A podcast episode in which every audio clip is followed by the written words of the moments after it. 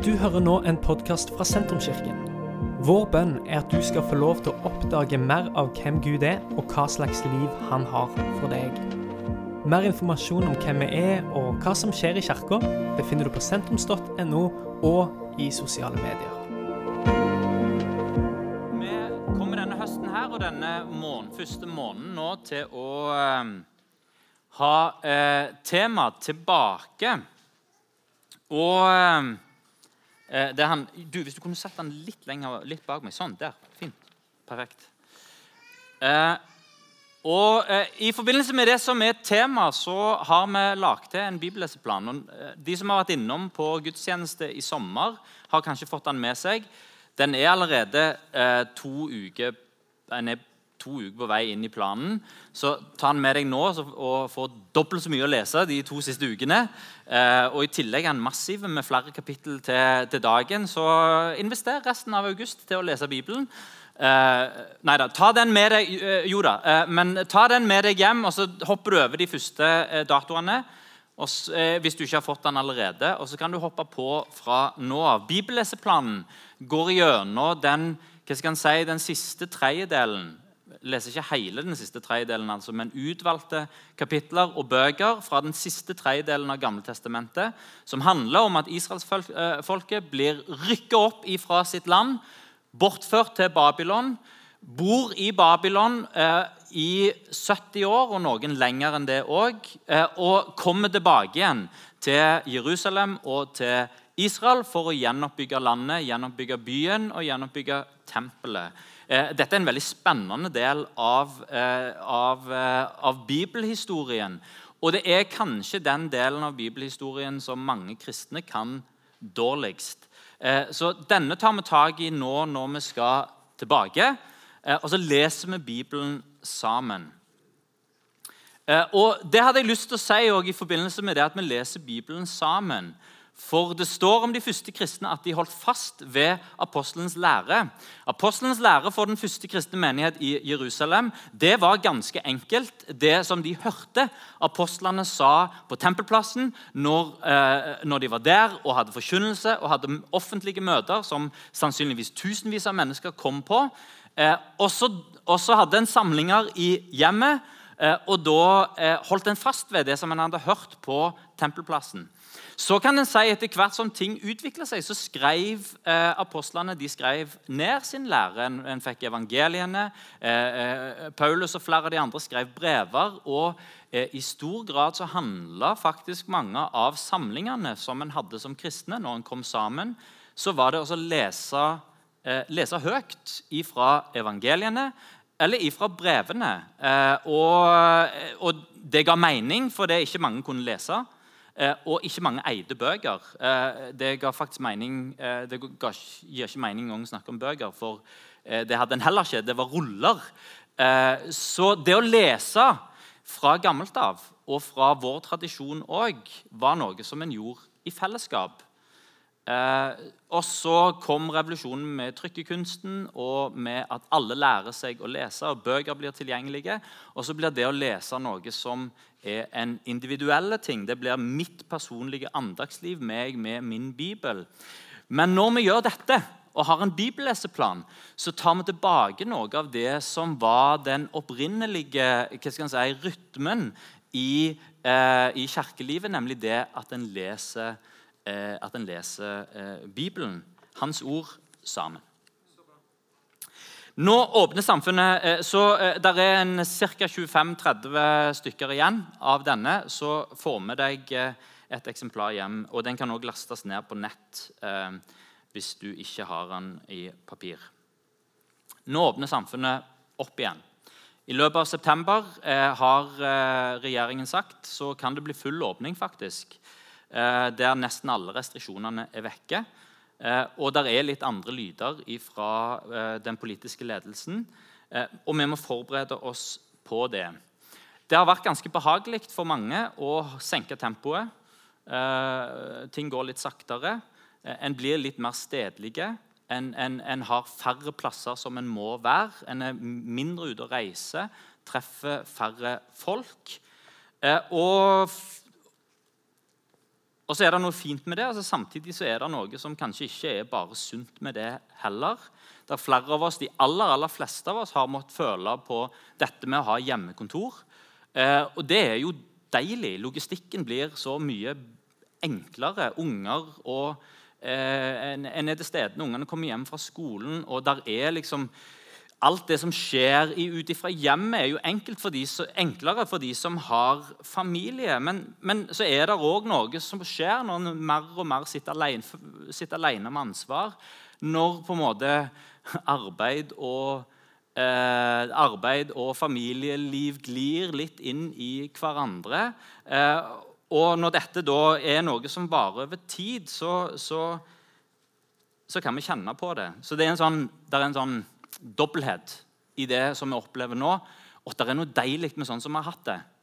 Eh, men så er det noe som vi savner. Eh, og så er, oh, Det var litt fint med litt lavere tempo. Men samtidig så, så, så, så, vil vi jo tilbake til sånn som det var. Og så, ja, men Da må vi kanskje få opp tempoet. Og, og, så merker vi det nå. Så går tempoet opp, og så Oi, så var dette litt stress. Eh, og hvordan skal, eh, hvordan skal vi få det til? Jeg har prøvd å finne en bibelsk sammenligning-historie. Eh, og, eh, og, for det som vi opplever nå og, og det er klart den, eh, Denne historien er ikke perfekt, eh, men det er noe av det samme. Og det er nettopp bortførelsen til Babylon. Eh, Israelsfolket rykker opp ifra sine hjem, rykker opp ifra sin hva skal han si, hele sin gudsforståelse egentlig, og tilbedelsen og alt det som det, det var samla rundt tempelet og rundt eh, eh stedet som de bodde. 70 år vekk til Babylon. Nå er Det klart det er ganske stor forskjell på å bo 70 år i Babylon og å bo eh, ett og et halvt år eh, i hjemmet sitt. Eh, men det er noen fellesnevnere. Nemlig det at når eh, noe varer lenge nok, så slår en røtter i det. Israelsfolket i Babylon de fikk beskjed om eh, gift dere, eh, eh, få barn, eh, plant hager, bygg hus. Sørg for få røttene deres ned i Babylon, for dette kommer til å vare lenge.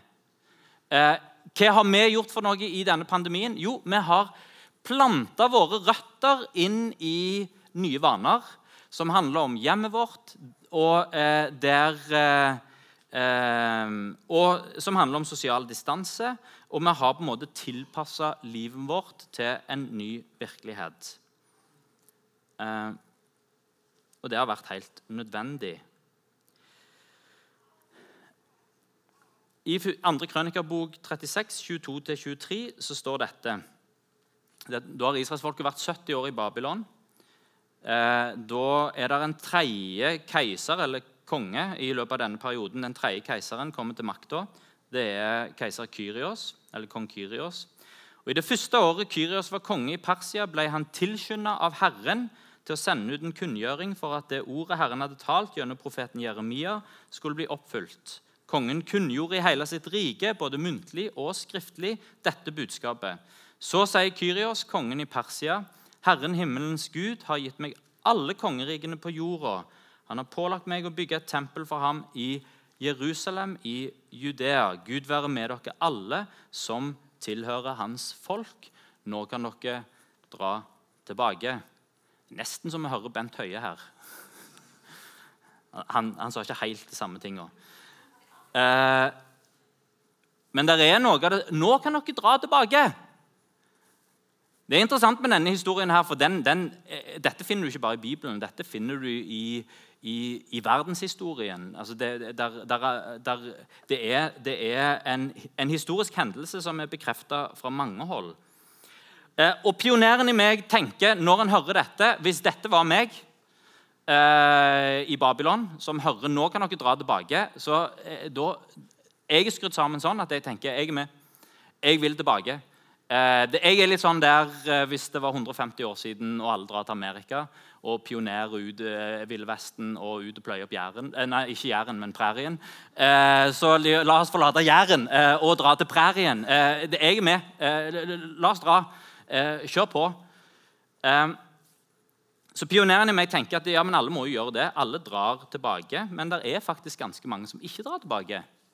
Eh, og, som, og Israelsfolket kommer tilbake fra Babylon i puljer. Og den første gruppa eh, som, som, drar for å gjenreise Jerusalem og tempelet, er ikke hele gjengen. Hva har skjedd med oss i løpet av dette halvannet eh, året? Vi har fått nye vaner. Vi bruker søndagen annerledes, vi bruker hverdagen vår annerledes. Vi har fått nye kalendervaner. Eh, og Jeg vil oppmuntre oss til å tenke litt grundig gjennom hva er det vi har lyst til å beholde fra det halvannet året som har vært, og hva er det vi har lyst til å ta tilbake. Eh, vi er blitt vant til avstand og vant til å trekke oss vekk fra store folkeansamlinger. Det tror jeg vil ta tid. Altså, her har du liksom et av de folka i verden som er best på sosial distanse. i utgangspunktet, Som plutselig får beskjed om nå skal vi sosialt distansere oss enda mer. Eh, og, og, alle bare sier ja, men eh, helt greit, vi distanserer oss sosialt eh, eh så mye. Eh, ja, jeg kan ta litt til. Eh, og, og så er jo spørsmålet eh, ja, nå er det greit med å komme sammen igjen. Ja, Men, men, men kommer det bare av seg sjøl? Når vi i utgangspunktet må liksom tema om nærhet og komme nær hverandre og bare for å prøve å få oss nær hverandre Så vi er blitt vant til avstand enda mer. Så er det den opplevelsen av å gjøre noe som er forbudt. Og det skal vi heller ikke undervurdere. Ikke som en bevisst tanke, men når noe har vært forbudt eller ikke lov eller ikke anbefalt i ett og et halvt år, så er det plutselig når det da, så er det ikke bare å si ja, nå er det lov igjen. Og så, ok, eh, Da sitter det noen ting i mekanismen vår som vi kanskje må utfordre litt. Jeg tror det særlig det gjelder metaregelen. Det blir interessant å se om vi begynner å håndhilse igjen.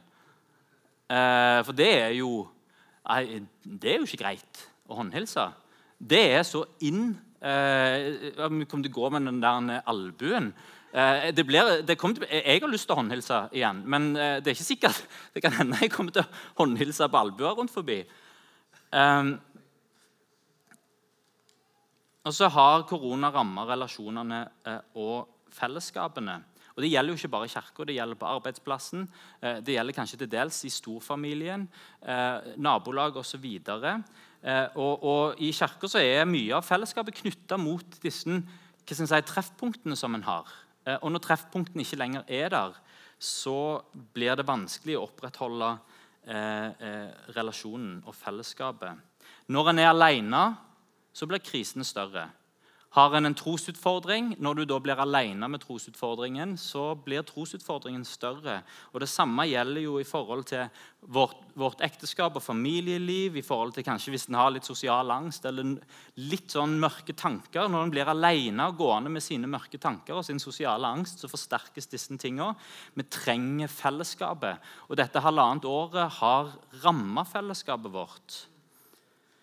Og så har troen vår kanskje blitt enda litt mer individualisert. og Det er jo litt sånn som med denne distansen òg, at du har en individualisert tro i utgangspunktet som nå tvinges til å bli enda litt mer på distanse fra et fellesskap og det å tro sammen med andre.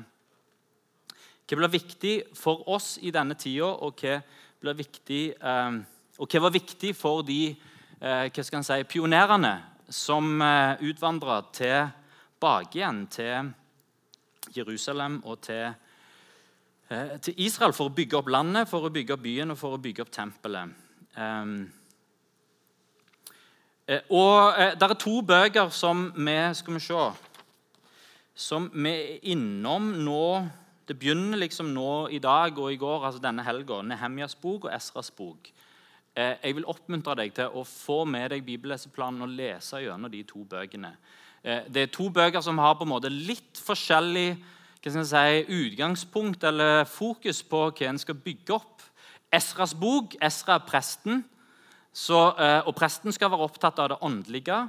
Så I Esras bok så handler det om en slags sånn, sånn folk, sånn, eh, nesten sånn vekkelsesbok. Tilbake igjen til tilbedelsen, til gudstjenesten, bygge opp tempelet. Eh, så alle disse åndelige tingene er i fokus eh, i Esras bok. Og så, har, og så, er det Nehemjas bok. Og Nehemja han er ikke prest. Nehemja han er, var en av de suverene lederne i, eh, i eh, keiseren i Babylon sitt, sitt hoff så, så, som, som, tenker strategisk og praktisk på alle greiene. Og Han begynte å grine når han kom til Jerusalem fordi han så at murene var nede.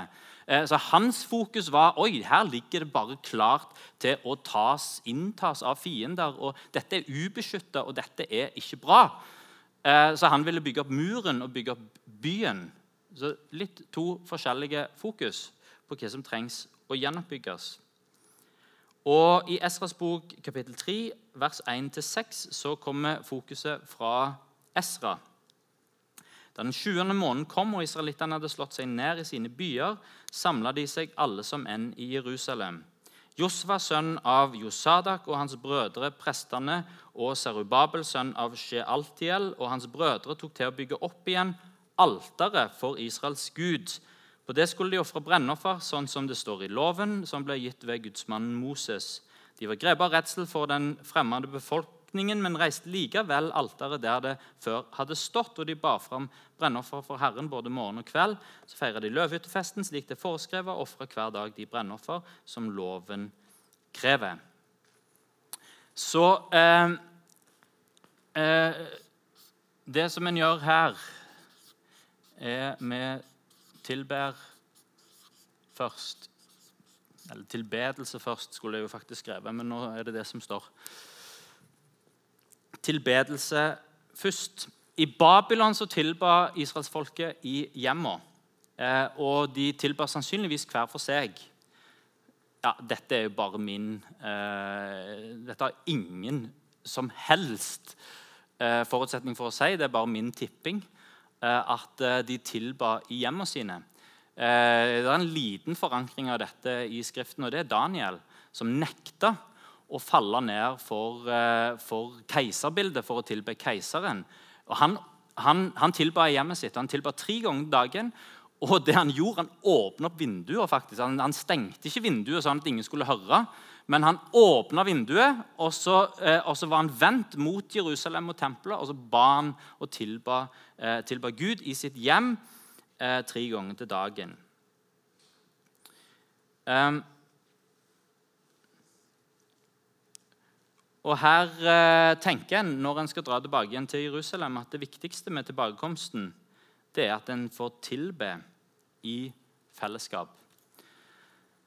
Eh, og Før de begynte å bygge opp tempelet, eh, for tempelet var ødelagt, så reiste de opp et alter.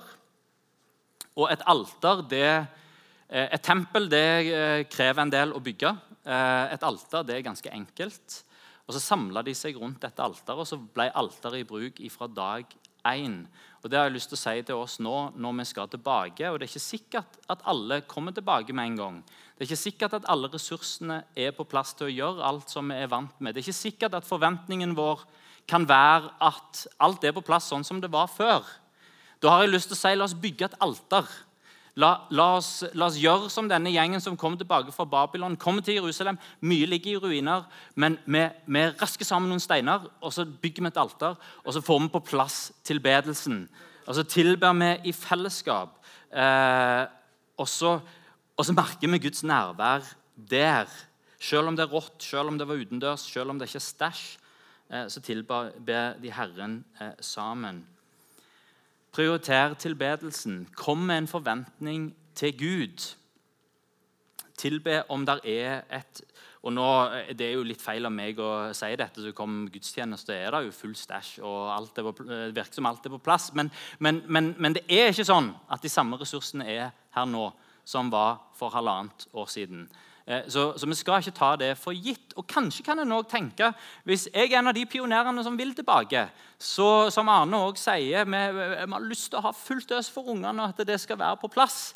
Eh, så, men her, her, her, kan jeg være med å bidra. Her er min tjeneste som, som, som jeg kan være med å bety en forandring eh, for i å ta tilbake tilbedelsen. Um, Men så er det en ting som er kanskje like viktig, selv om jeg sier eh, nummer to. Og det er å prioritere eh, fellesskap.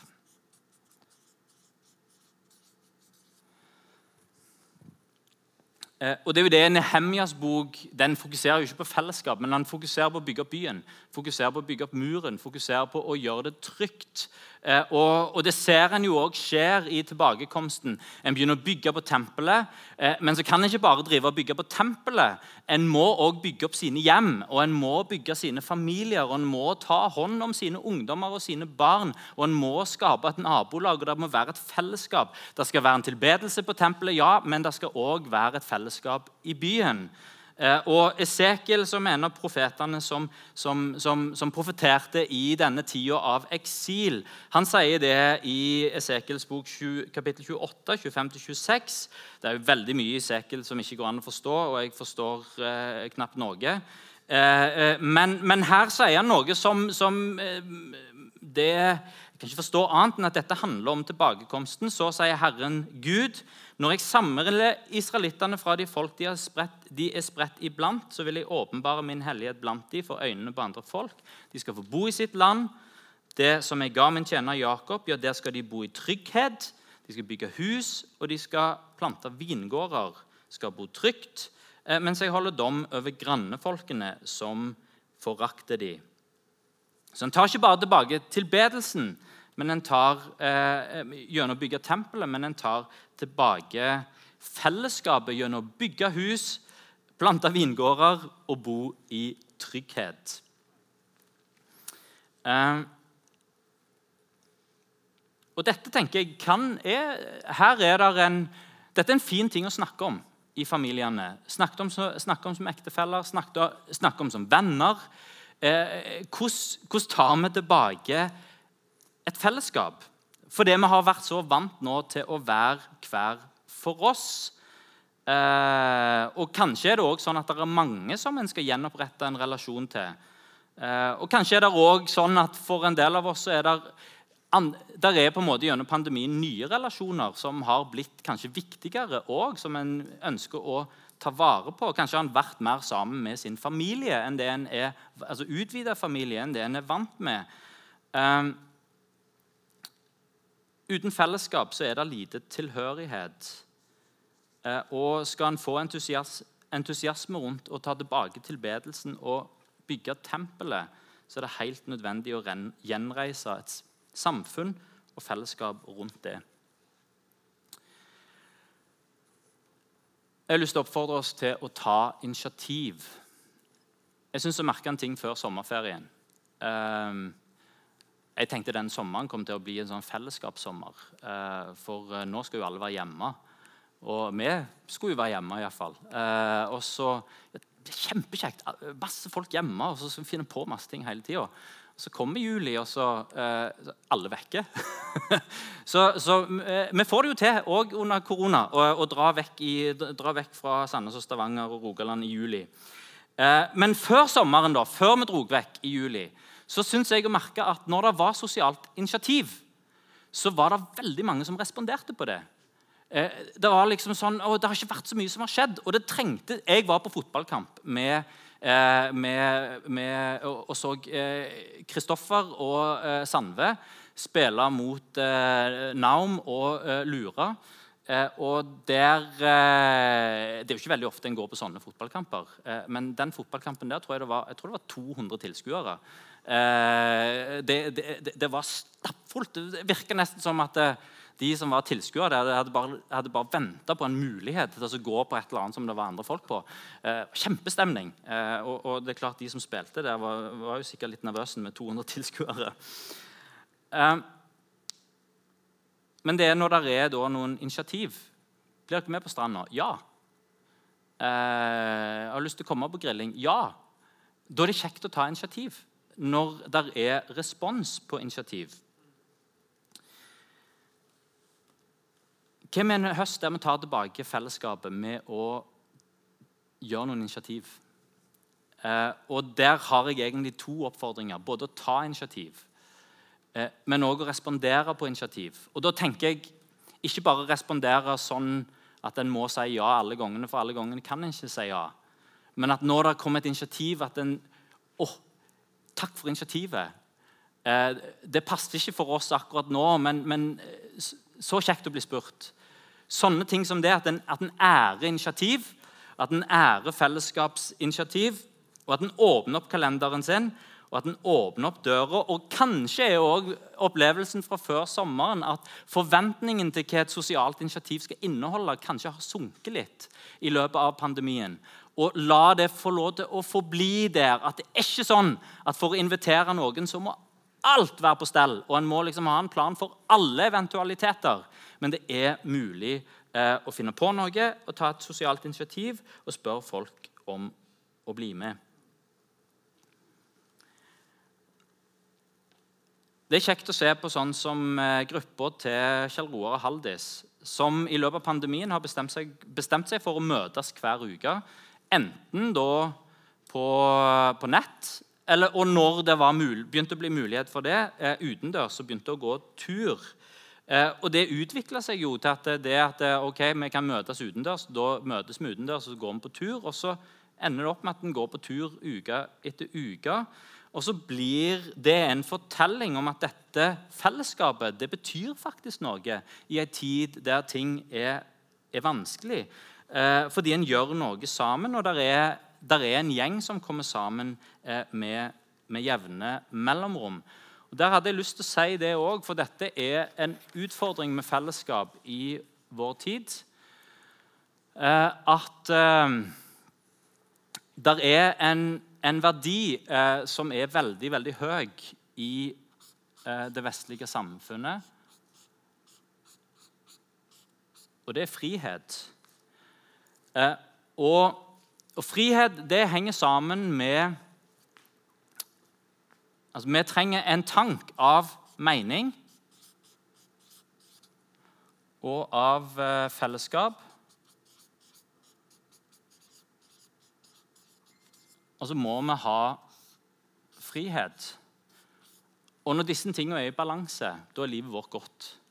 Fordi, eh, fordi fellesskap det, det, gir mening, og frihet gir den der autonomien, at jeg kan bestemme Eh, og at jeg er herre i mitt eget liv, den er jo kjempeviktig. Så når friheten forsvinner, så, så, kan jo fellesskapet være sterkt fordi det er sosial kontroll og det er liksom masse folk rundt deg.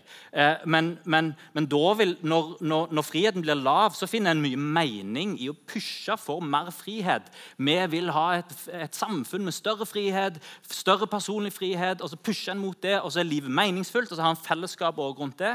Eh, og, så, og sånn kommer det jo filmer òg ut av. Braveheart. Freedom! Sant? Og så merker vi at ja, dette er sant. For de har kjempa for frihet. Vi har jo til og med lovsanger som handler om dette. Frihet! Eh, og, og det, er, det, det, det, er, kjempeviktig.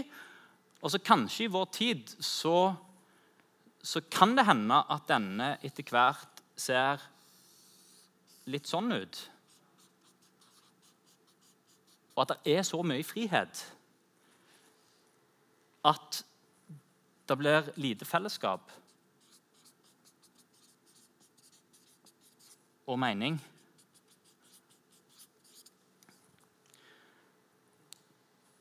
Og Det som er utfordrende, og det som jeg har lyst til å si til oss som menighet, er at fri, altså vi, vi, vi, skal ikke ta vekk friheten og begynne med sosial kontroll.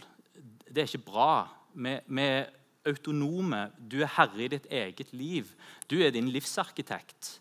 Men det som skjer, der vi får fellesskap og mening, det er når jeg er villig til å ta noe av min frihet og gi den vekk. Og investere i Det er jo det som skjer i et ekteskap. En full frihet. Er, eh, friheten er at det kan bli den, den, den, den, den, den, den, den, den, eller den eller den eller den. eller den, eller den. Og så Nei, men vekk med den friheten. Og så sier jeg nå er det deg. Og så sier jeg nå er det oss. Og så er det noe med friheten som på en måte forsvinner, men så er det noe med mening og fellesskap. Det samme skjer når en får unger. Det, en gir vekk noe frivillig. Mer eller mindre frivillig, iallfall. Eh, noe av sin frihet. Og så får han tilbake fellesskap og mening.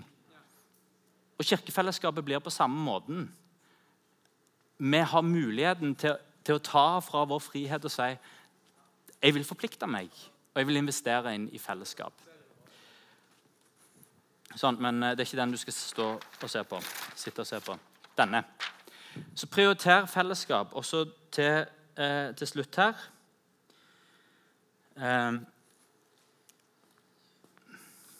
Så kan vi si siste hus eh, bedre enn det første.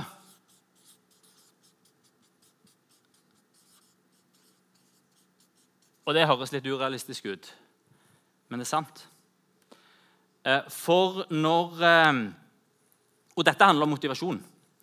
For når folket slutter å bygge på tempelet, eh, og så bygger de bare på husene sine og hjemmene sine og hagen sin og ser bare på Netflix og er bare opptatt av det fordi en mister motivasjonen for å bygge tempelet fordi det tar lang tid, så kommer profeten Haggai og snakker om at alle er opptatt med hver med sitt hus, mens Herrens hus fortsatt ligger i ruiner.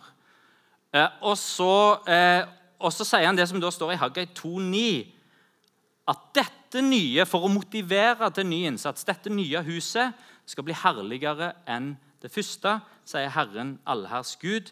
På dette stedet vil jeg gi fred. Og dette er Det mange, det er iallfall tre ulike bånder i dette. Eh, eh, det handler først om at det, eh, dette tempelet som en bygger, skal bli finere enn det gamle tempelet, tempelet, Og det ga ikke mening for folk. De som var gamle nok til å huske det gamle tempelet, det var fint. Eh, eh, det står om når grunnmuren for tempelet ble lagt, så jubla de unge, og så grein de gamle. Eh, og, og en, en, klarte ikke å skille gråt fra jubel. Så de gamle som huska det gamle tempelet, de grein. Og de unge som ikke visste hvordan det så ut, de jubla. Men det ble fortsatt å bygge på det tempelet helt fram til Herodes den store. Og, og, og tempelet ble virkelig vakkert. Disiplene sa til Jesus se for noen bygninger, se for noen steiner. Tenk for et vakkert bygg. Så sier Jesus når disiplene sier det til han, her skal ikke bli stein oppå stein. Og Så får denne profetien til Haggai en ny bånd. For hva er det som er tempelet nå, når, når tempelet igjen er vekke? Så er det Apostlene meisler ut en ny teologi om at kirka er tempelet. Fellesskapet av de troende tempelet, det er Guds hus, det er Guds bygning. Der Gud føler seg hjemme. Og det huset skal bli herligere enn det første. Og så er det en tredje bånd i dette, og det er framtidstro. Det som ligger foran, det kan vi strekke oss etter. Og ultimat sett så er dette sant. Fordi at Guds ord lover oss en ny himmel og en ny jord, der alt blir satt i stand. Altså Det som ligger foran, er herligere. Så når eh, Brian Houston sier 'the best is yet to come', så er det en sannhet som det går an å koble seg på, til og med i høy alder. Og Da kan bandet komme opp. Og Dette sa Haggai for å få opp motivasjonen. Det, første, det siste huset skal bli herligere enn det første. Det som vi skaper nå, skal bli bedre enn det som var før eh, kanskje annerledes. Det gir noen muligheter. Da har jeg lyst til å spørre, Hva motiverer deg for å koble på kirkefellesskapet igjen? Kanskje er det å gjenskape tilhørighet og familie og opplevelse av å være en stor familie som tror sammen. Kanskje er det denne lengselen etter å erfare Guds nærvær i tilbedelse og i bønn og i lovsang sammen med andre. Kanskje er det den emosjonelle støtten og omsorgen som en eh, både gir til andre, og som en kan motta i det å være et forpliktende fellesskap der en, der en omslutter hverandre, der en deler oppturer og nedturer, og der en legger både hva skal si, fysisk og, og, eh, og i overført betydning legge hendene rundt hverandre. Kanskje er det å skape et godt og trygt oppvekstmiljø eh, for egne barn og tenåringer og deres venner og kirkers barn og tenåringer. Kanskje er du motivert til å koble på kirkefellesskapet for å kunne bety noe for andre, for å kunne bety noe for byen, kanskje for å nå ut med evangeliet til andre. Kanskje det rett og slett du er motivert om å koble på igjen ut ifra lydighet til Guds ord og ut ifra bildet av denne vakre kirka som Gud skaper med sitt folk. Kanskje har du en motivasjon om fornyelse, om vekkelse. En ny generasjon av unge mennesker som får møte Gud. Kanskje ønsker du å bidra med dine gaver, talenter og tjenester for Gud og for andre. Kong Kyrios sa nå nå kan dere dra tilbake. Tenk om vi, eh, og det sier for så vidt Bernt Høie òg eh, Nå begynner det å nærme seg at samfunnet er tilbake igjen. Tenk om vi kan være i grupper som sier ja, vi vil.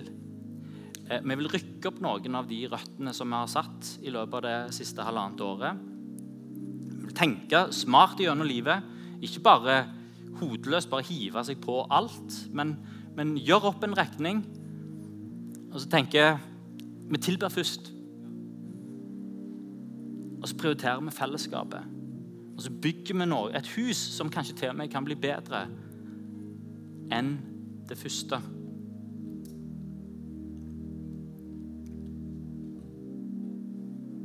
Kan vi, ta, vi kan ta reise, så kan vi straks lovsynge sammen.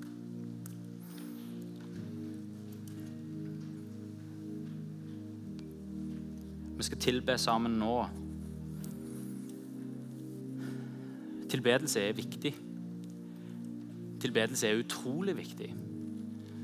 Um, C.S. Lewis han sier det hvis du finner i deg sjøl lengsler som denne verden ikke kan stille, så må den eneste troverdige konklusjonen på det være at du er skapt for en annen verden første Mosebok og skapelsesberetningen forteller oss det at Gud skapte mennesket, og så blåste han livets ånd inn i mennesket, og det ble til en levende sjel. Og det som Gud blåste inn i mennesket, der finner vi denne her lengselen som, som går over den verden som vi er en del av, og som går helt tilbake til Han som skapte oss, og som blåste livets ånd inn i oss. Den lengselen kommer ut i tilbedelse. Vi har i vårt samfunn mye fokus på hvordan vi tar vare på kroppen vår. Og det er kjempebra. Det skal vi gjøre. Og så har vi mye fokus etter hvert, og det er så bra at vi lærer mer om dette, om hvordan psyken vår fungerer, og tar vare på psyken vår. Og så har vi kanskje nesten blitt krøplinger i hvordan vi tar vare på ånden vår, som er en like full del av hvem vi er.